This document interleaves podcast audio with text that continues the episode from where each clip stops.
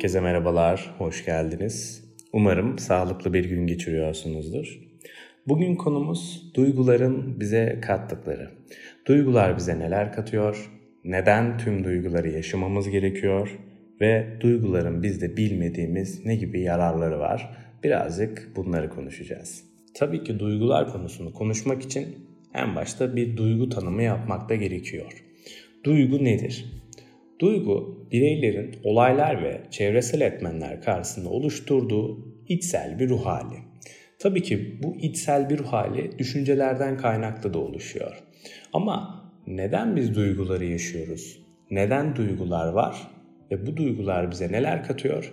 Birazcık duygu çeşitlerini ve duygu özelliklerini konuşarak bunları anlamlandırabiliriz. İnsanlar genellikle en çok mutluluk duygusunu yaşamak için hayattaki amaç ve hedeflerini belirliyor. Mutluluk duygusu bireylerde genellikle hangi ruh halleriyle birlikte görülür dersek neşe, haz, keyif almak gibi ruh halleriyle birlikte organize olarak görülebiliyor. Bu ruh halleriyle beraber görülen mutluluk duygusu nasıl ki insana psikolojik olarak bir katkı sağlıyorsa biyolojik olarak da bir değişikliğe yol açıyor. Biyolojik olarak baktığımızda mutluluk duygusu beyin merkezinde bir enerji artışına yol açıyor.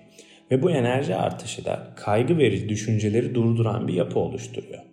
Oluşturulan bu yapı bireyde genel bir dinlenme hali sağlıyor. Bu genel bir dinlenme hali sağlandığında ise birey düşüncelerden kurtulduğu için bir enerji artışı da olduğu için elindeki işi yapmaya ve çeşitli hedeflere doğru ilerlemeye hazır ve istekli hale geliyor. Mutluluk duygusunun bize kattığı en büyük anlamda aslında bu. Elimizdeki işe ve odaklandığımız hedeflere karşı bizi hazır ve istekli hale getirmesi. Mutluluk duygusunu konuştuğumuza göre mutluluk duygusuna tam zıt bir duygu olan üzüntü duygusuna geçelim. Her birey bütün duyguları yaşadığı gibi elbette üzüntü duygusunu da yaşayacaktır. Üzüntü duygusu genellikle hüzün, hayal kırıklığı, ilgi eksikliği, umutsuzluk gibi ruh halleriyle birlikte görülüyor. Tabi üzüntü duygusunun şöyle bir yanı var. Üzüntü duygusu bireylerde giderek artar ve şiddetlenirse bireylerin hayatını olumsuz derecede etkilemeye başlıyor. Ve bu bireyleri depresyona sürükleyebiliyor. Mutluluk duygusunun bizde yarattığı biyolojik değişiklikler vardı. Bu biyolojik değişiklikler üzüntü duygusunda da var.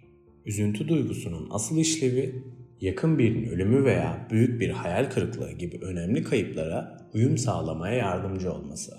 Üzüntü enerjiyi azaltır. Derinleşip depresyona da yaklaştıkça metabolizmayı da yavaşlatarak hayattan zevk alınan şeylerden uzaklaşmaya yol açar.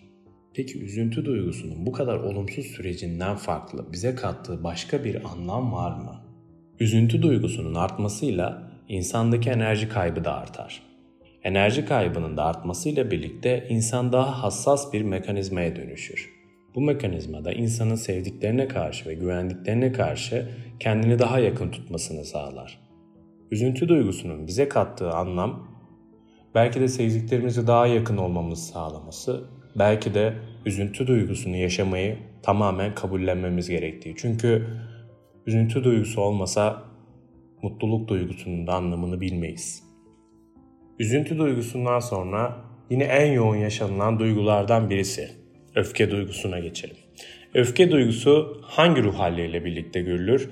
Düşmanlık, husumet gibi ruh halleriyle birlikte görülüyor. Peki öfke duygusunu hissedince biyolojik olarak vücudumuzda nasıl bir organizma meydana geliyor? Öfke duygusu hissedildiğinde vücutta kan akışı bir silahı tutmayı ya da düşmana vurmayı kolaylaştırır şekilde ellere yöneliyor. Kalp atışı hızlanır. Adrenalin gibi hormonların hızla salgılanmasıyla birlikte çevikçe hareket etmeye yetecek güçte enerji meydana gelir. Öfke duygusunun aslında bize kattığı en büyük şey enerjidir. İşte bu enerjinin kontrol edilemediği zamanlarda öfke patlamaları gibi sorunlar insanlarda meydana çıkıyor. Öfke duygusu bunun yanında ilişkilerde yapıcı olmaya, olayların kesin bir sonuca varılmasında adım atmayı istekli bir hale getiren bir yapı da oluşturabiliyor.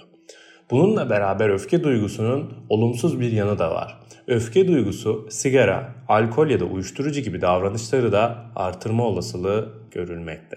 Bir diğer duygu türümüz olan korku duygusuna geçelim.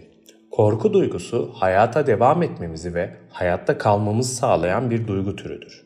Korku hissedildiğinde kan kaçmayı kolaylaştırmak için bacaklardaki gibi büyük iskelet kaslarına yönelir ve sanki yüzdeki kan çekilir. Bu da kanın donduğu hissini verir. Beynin duygusal merkezlerindeki devreler vücudu alarma geçirip harekete hazırlamak üzere hormon salgılamasını başlatır. Dikkat nasıl tepki verilmesi gerektiğini değerlendirmek için yaklaşan tehlikeye odaklanır. Korku duygusunun bize kattığı anlamı bir örnek üzerinden ifade edelim. Örneğin bir araba sürüyorsunuz ve kar yağıyor. Görüş alanınızı etkilediğini görüyorsunuz ve bir korku duygusuna kapılıyorsunuz.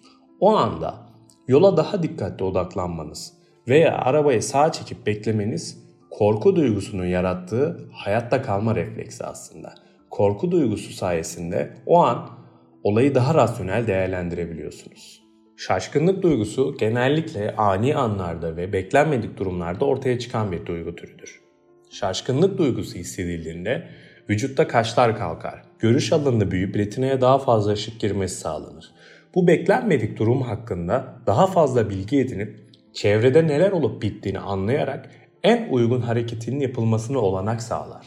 Örneğin çok gitmek istediğiniz bir şehre ilk defa gidiyorsunuz ve şehri çok beğendiniz. Bu sizde şaşkınlık duygusu yarattıysa bütün yerlere çok dikkatli bakarsınız ve görüş alanınız büyür. Daha dikkatli olursunuz.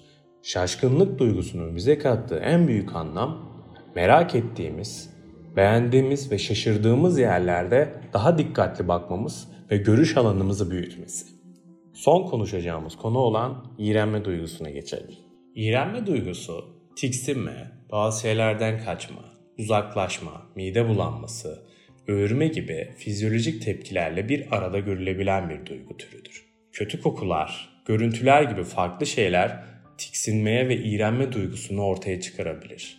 Tiksinme duygusu tüm evrende aynı şekilde ifade edilir ve aynı mesajı gönderir. Bir şeyin kendisi ya da fikri tat veya koku olarak iğrenç gelmektedir. Tiksintinin yüz ifadesi olarak üst dudağı yana doğru kıvırıp burnu hafifçe kırıştırmak.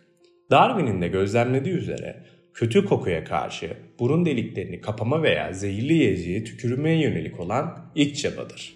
İğrenme duygusunun bize kattığı en büyük anlam da belki de zehirli yiyeceklere karşı veya bozulmuş yiyeceklere karşı kendimizi korumamızdır. Gördüğünüz gibi her duygunun bize kattığı veya bizden götürdüğü bazı şeyler var. Ama bence kabullenmemiz gereken en önemli şey bütün duyguları yaşamamız gerektiği. Çünkü bu var olmamızın bir karşılığı aslında. Bu konuyla alakalı Sigmund Freud'un çok güzel bir sözü var. Mutsuzluğu tatmadan hep mutlu olmak istersin. Oysa nelerin seni mutsuz ettiğini bilmezsen nelerle mutlu olacağını bilemezsin. Herkese çok teşekkür ediyorum. Bir sonraki bölümde görüşmek üzere. Keyifli günler dilerim.